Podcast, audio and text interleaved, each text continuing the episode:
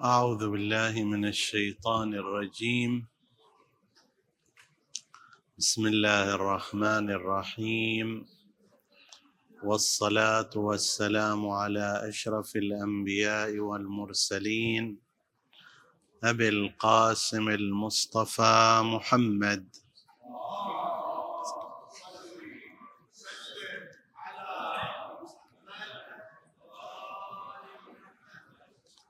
وعلى أهل بيته الطيبين الطاهرين المعصومين المكرمين.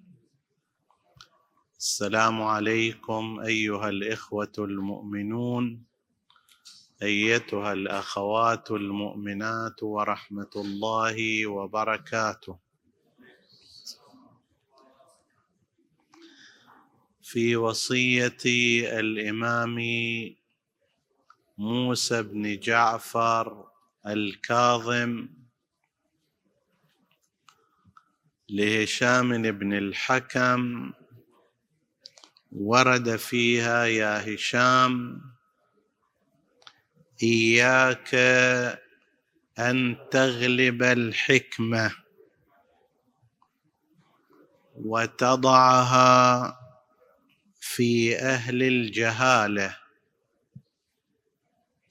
قال هشام فقلت له فإن وجدت رجلا طالبا طالبا له أو لها غير أن عقله لا يتسع لضبط ما ألقي إليه. قال عليه السلام فتلط تلطف له في النصيحة فإن ضاق قلبه فلا تعرضن نفسك للفتنة. واحذر رد المتكبرين. فإن العلم يجل عن أن يملى على من لا يفيق. قلت فإن لم أجد من يعقل السؤال عنها. قال عليه السلام فاغتنم جهله عن السؤال حتى تسلم من فتنة القول وعظيم فتنة الرد. هاتان الفقرتان توجيه من الإمام عليه السلام لهشام ولكل متحدث ومتكلم. أي خطيب يشمله هذا الكلام؟ أي عالم يشمله هذا الكلام؟ أي كاتب يشمله هذا الكلام؟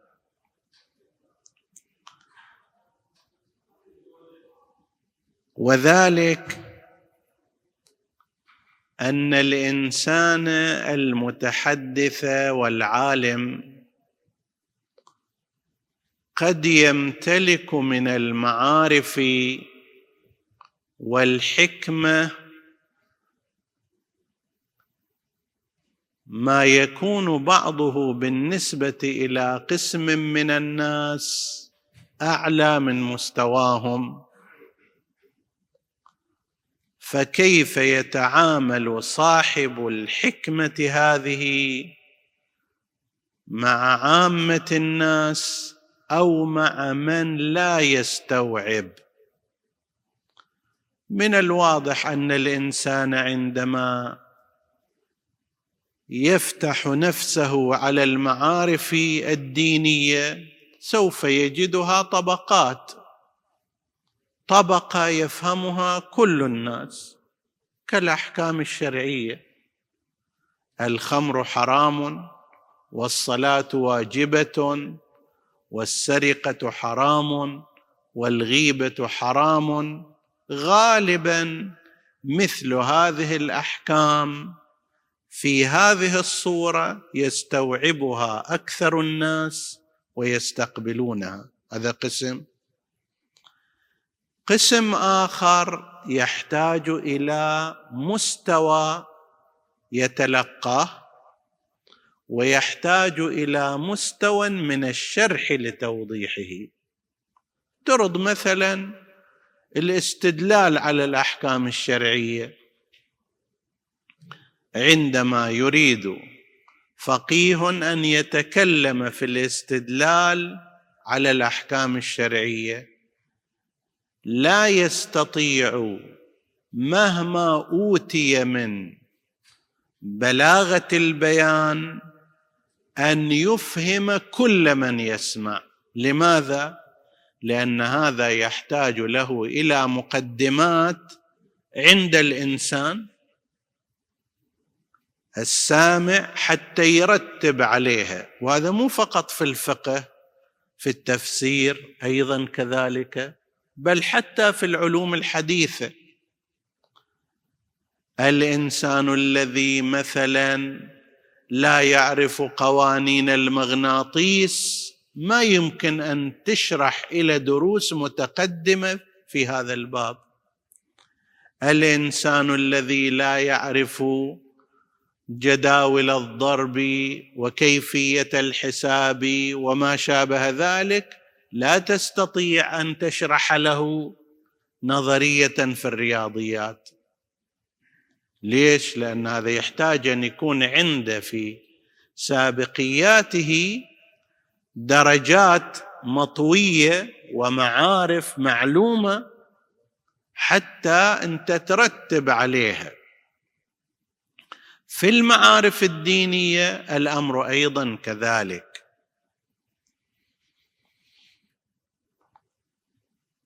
إذا تريد تجي لنفترض تتحدث عن مثلا الولاية التكوينية. ربما بعض من يسمع من يسمعك لا يدري ماذا يعني كلمة الولاية. لا يدري معنى التكوينية شنو. فيحتاج إلى مقدمات حتى أنت ترتب عليها وتبني أسس تبني عليها الجدار البناء حتى البناء العادي. ما تقدر تجي هالشكل وتصف الطابوق فوق بعضه. لازم تحفر أساس وتربطه وثم تبني عليه. كذلك في هذا الباب. هناك خطأ قد يقع فيه بعض المتكلمين وما أبرئ نفسي.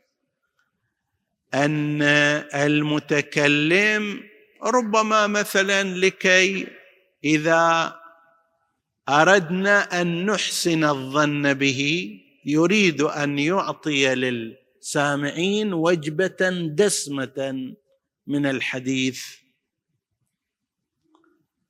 أو ذاك البعيد لا سمح الله يريد يبين إليهم أنه هو ما شاء الله يعني فارس لا يشق له غبار ومستواه أعلى من الجميع.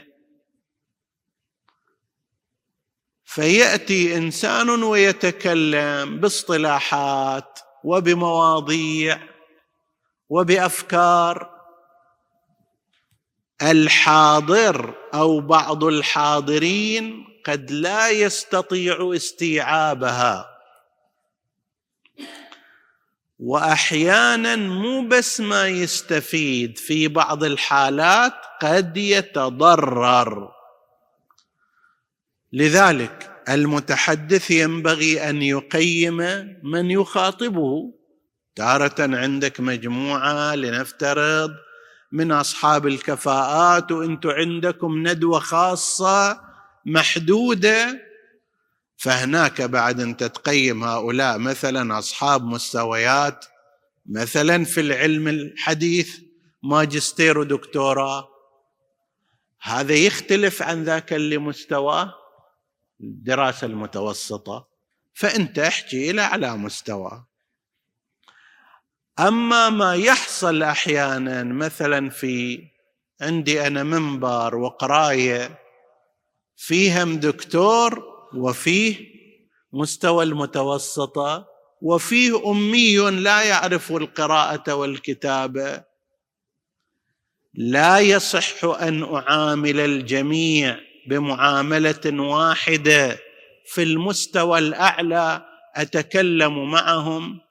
ذلك الكلام الذي يغلق على قسم منهم. الإمام عليه السلام يقول يا هشام إياك أن تغلب الحكمة وتضعها في أهل الجهالة. قد يكون الحكمة هنا بمعنى المعارف وقد تكون بمعنى سلوكيات. قيل الحكمة ما هي؟ قال وضع الشيء في موضعه. الحكمة قد تكون يعبر عنها مجموعة المعارف العالية الدقيقة وقد تكون بمعنى السلوكيات. والإنسان حكيم حكيم تارة بمعنى فيلسوف مثلا وفي هالمستويات وأخرى بمعنى أن سلوكه وطريقة حياته وأخلاقه متوافقة مع العقل. الإمام عليه السلام يقول إذا عندك حكمة هذه ترى خير كثير ومن يؤتى الحكمة فقد أوتي خيرا كثيرا. لا تخليها في غير موضعها تخليها في أهل الجهل في أهل المع في أهل الجهالة في من لا يمتلك المعارف. ولا يمتلك القدرة العقلية ولا يتفهمها زين يابا أنا عندي معلومات محرم جاي شهر رمضان جاي شلون لعد؟ أريد أتكلم. يقول عليه السلام في جوابه قال هشام فإن وجدت رجلا طالبا لها غير أن عقله لا يتسع لضبط ما ألقي إليه أو ما ألقي إليه. والله شفت واحد هذا دائما يسأل أسئلة ويسعى للتلخيص ويلاحقني بالتليفون اتصال ورا اتصال. طيب لكن قدرته الذهنية لا تتسع. لا يستوعب ما ألقي إليه. وأنا عندي أنا عندي الحكمة عندي المعرفة الكافية. هذا أيضا عنده حماس. يريد يعرف مثلا الأدلة على تفضيل الأئمة على الأنبياء. يريد يعرف عن الولاية التكوينية. يريد يعرف حول أنه حدود علم المعصومين بالغيب. مناشئ ومنابع علم الأئمة. كيف هي؟ شلون هي؟ من وين جاءت؟ وأنا أشوف هذا مع طلبه الشديد وحرصه على التعلم لكن ليس عنده قدرة ذهنية. الوعاء ما له وعاء؟ ضيق لا يتحمل. فماذا أصنع؟ يقول هشام. للإمام عليه السلام. قال عليه السلام فتلطف له في النصيحة. إما تقول له شوية شوية بالتدريج لا ويش تريد؟ أول شيء تصعد الطابق الأعلى. صعد طابق طابق تعلم درجة درجة.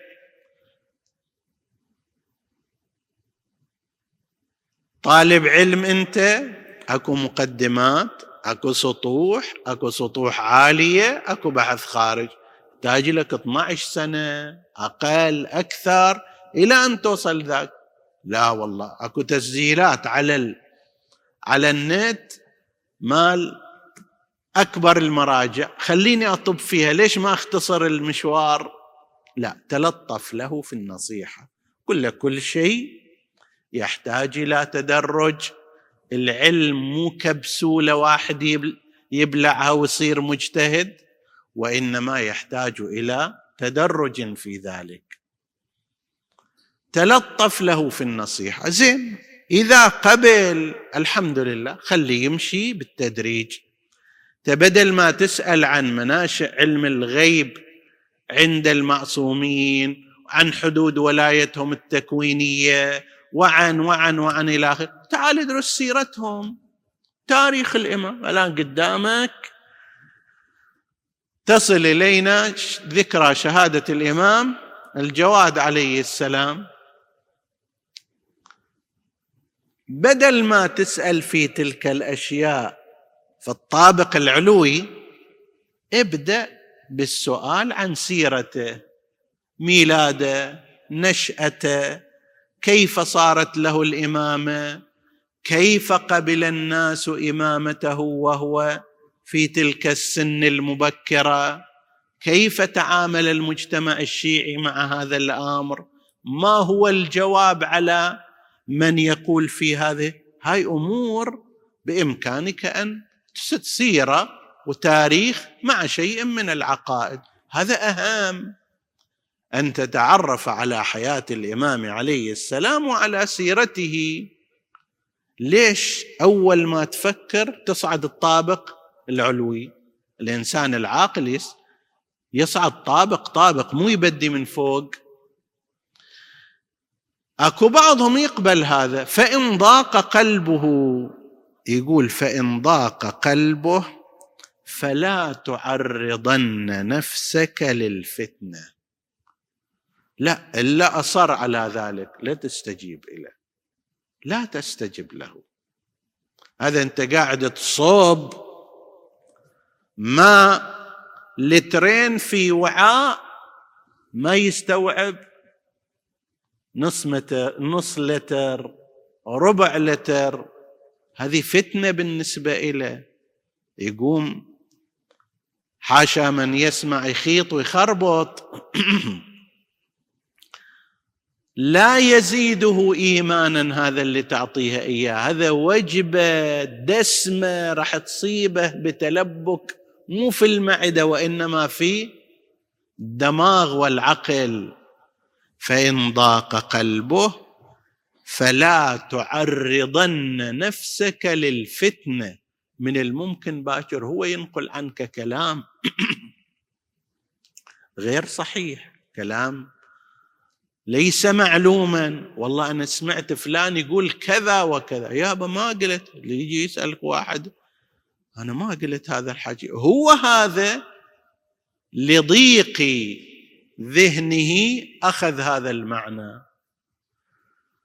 قسم من الذين غلوا في المعصومين عليهم السلام. ليش؟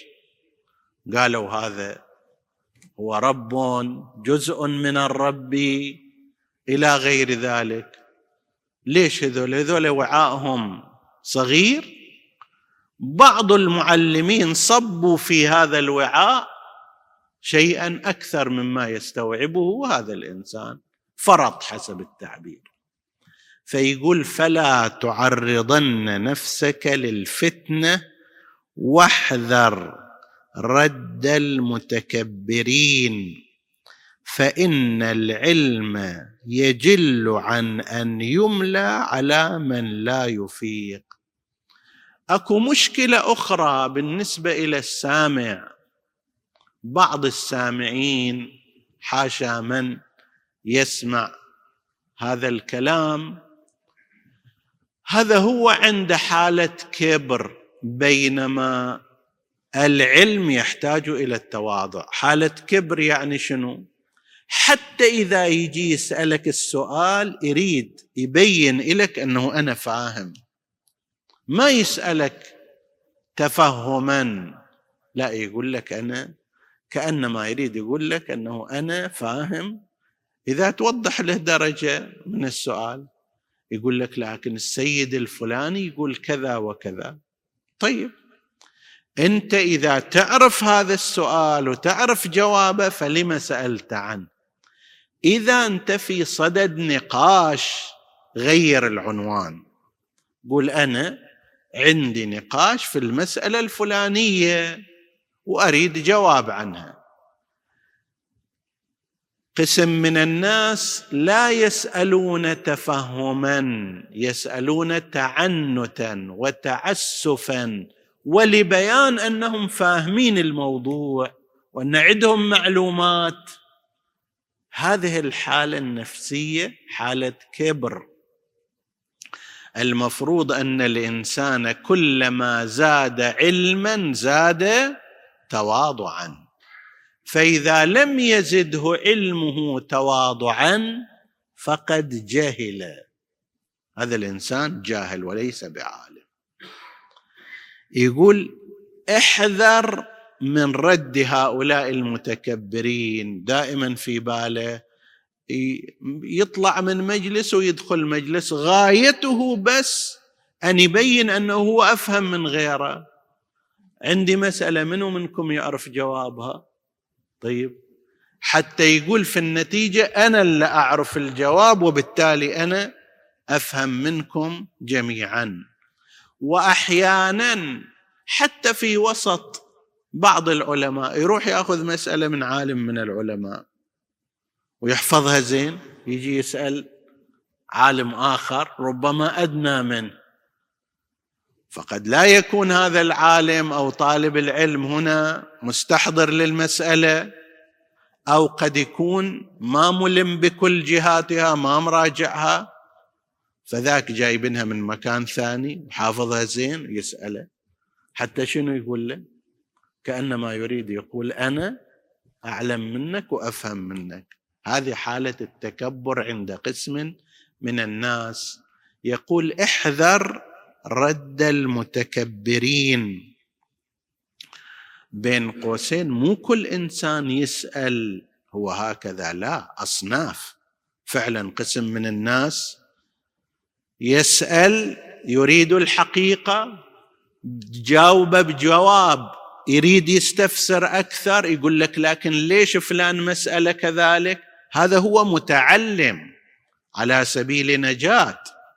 هذا متفهم هذا مستبصر يريد إبصار الطريق. ما يريد يبين أنه هو شنو؟ أعلم من اللي قاعد يسأله. فإن العلم يجل عن أن يملى على من لا يفيق. زين قلت فإن لم أجد من يعقل السؤال عنها والله أنا رحت إلى الحوزة رحت إلى الجامعة.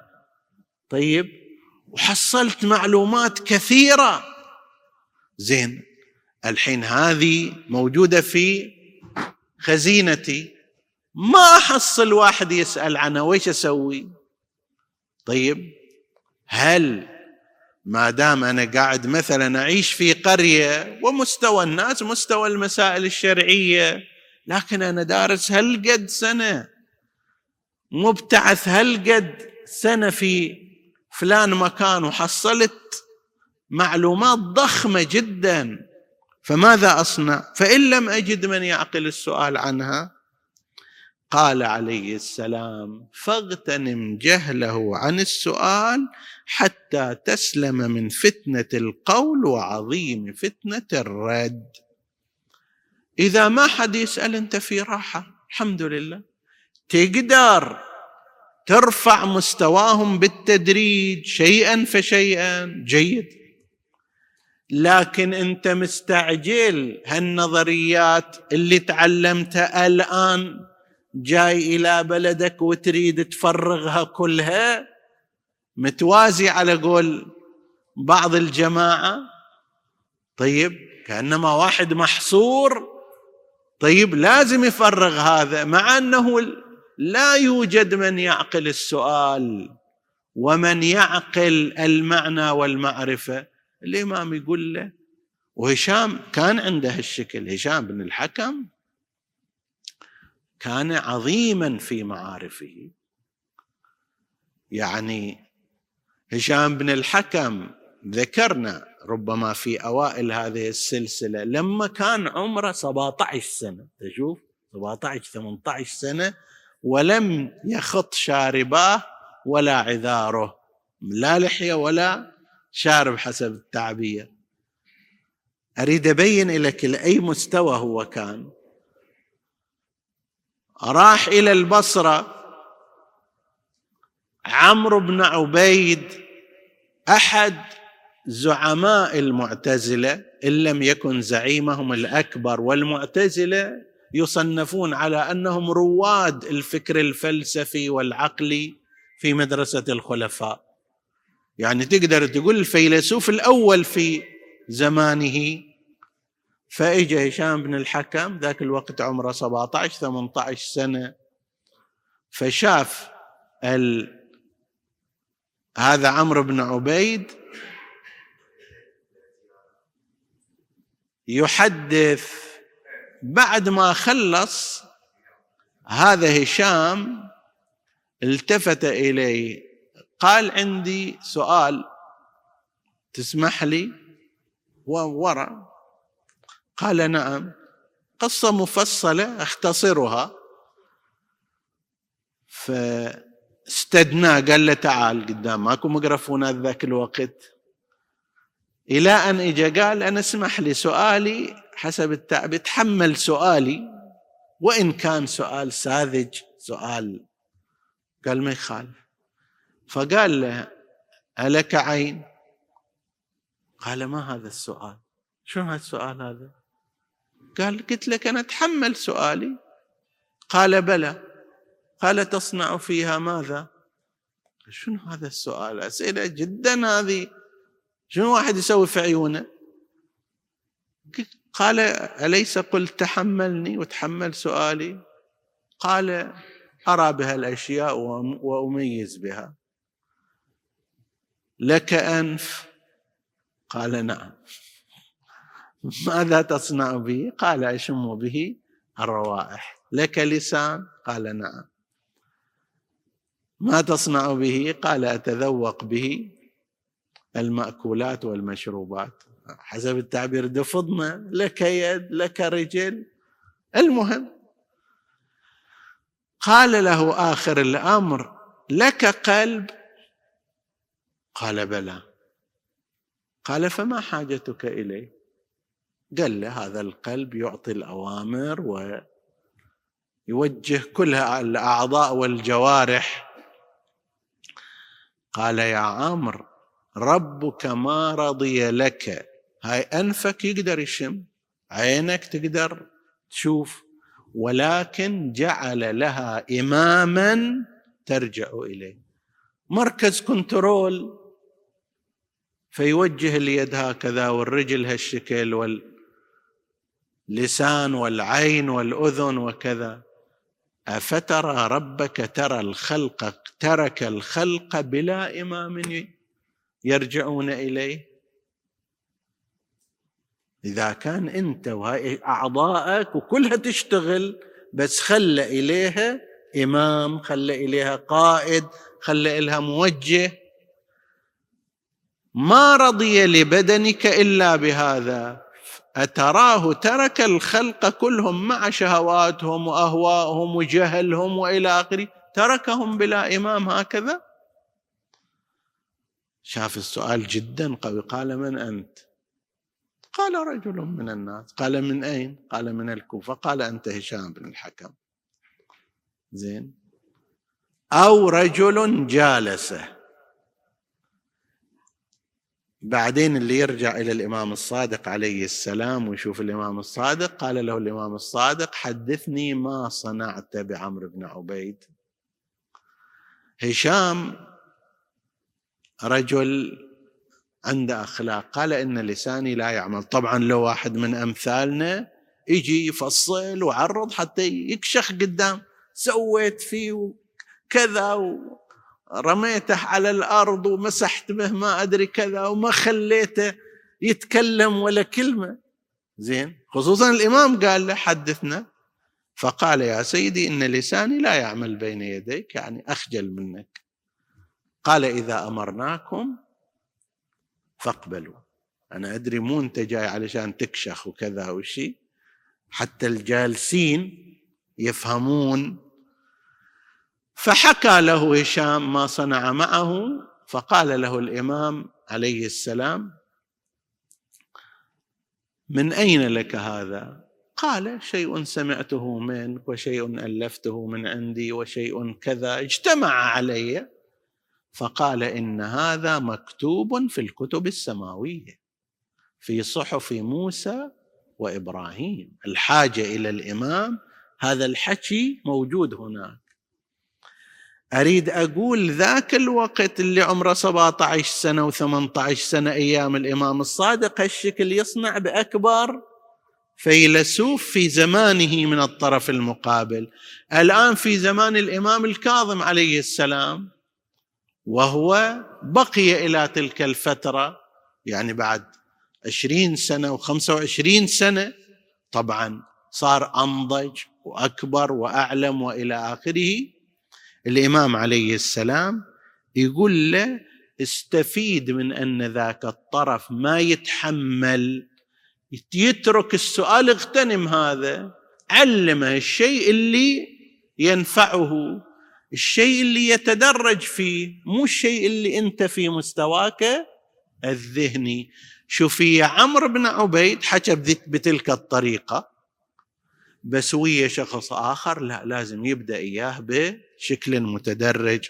قال فاغتنم جهله عن السؤال حتى تسلم من فتنة القول وعظيم فتنة الرد واعلم أن الله لم يرفع المتواضعين بقدر تواضعهم ولكن رفعهم بقدر عظمته ومجده. قل زين أنا الحين إذا ما بينت علمي وما خبرت الناس عن فضلي وما كتبت قدامي من الألقاب ما شاء الله. كيف الناس يعرفون أنه هذا كذا وكذا؟ زين. يقول الله يرفع المتواضعين مو بقدر تواضعهم. يعني مثلا هو في درجة رقم أربعة تواضع درجتين صار درجة اثنين. الله ما يرفعه بس درجتين بقدر تواضعه وإنما يرفعه بقدر مجد الله وعظمة الله عز وجل. عطاء كل واحد بقده. أنا إذا أعطي مئة ريال كثيرة بس إذا الله يريد أن يعطي ما إن مفاتحه لتنوء بالعصبة أولي القوة من دون أن يكون ذلك شيئا. عنده أصلا. إذا أنا أريد أرفع مثلا تلميذ من تلامذتي لأنه متواضع راح أبين للناس فضله وأمدحه وإل هالتواضع درجتين ارفع إليها صار أربع درجات. الأستاذ ما لا يعطي درجة اجتهاد يرفعه بقدر تواضعه. طيب لكن الله سبحانه وتعالى إذا أراد ماذا يصنع؟ لا يرفع المتواضعين بقدر تواضعهم مو درجتين وشهادة وما أدري كذا وإنما شيء أكبر ولكن رفعهم بقدر عظمته ومجده. إذا رفع الله إنسانا بقدر عظمته ذاك الوقت يقول ورفعنا لك ذكرك بالنسبة إلى رسول الله. شنو ذكر رسول الله اللي رفعه؟ من يوم نزلت الرسالة إلى أن تقوم الساعة لا يقبل إيمان أحد إلا بذكر محمد.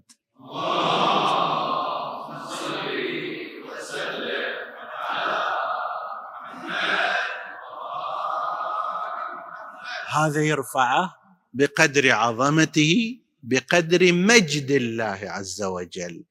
مع حفظ المراتب أنت المتواضع أيضا الله يرفعك مو بقدر تواضعك درجتين وثلاث وإنما بقدر عظمة الله ومجده. ولم يؤمن ولم يؤمن الخائفين بقدر خوفهم ولكن آمنهم بقدر كرمه وجوده. أنت تخاف في الله عز وجل لأنك متدين تؤذى في بعض الأمور لأنك من أولياء آل رسول الله تؤذى في بعض الأمور. يحصل لك خوف بدل الأمن. زين الله إذا يريد يؤمنك يؤمنك يعني بس ينجيك هنا؟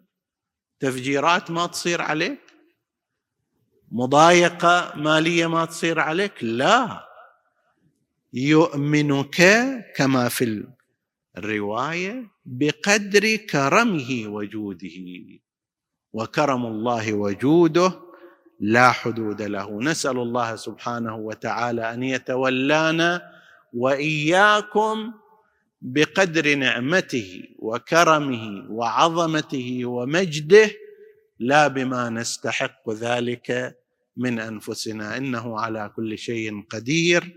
وصلى الله على سيدنا محمد وآله الطاهرين.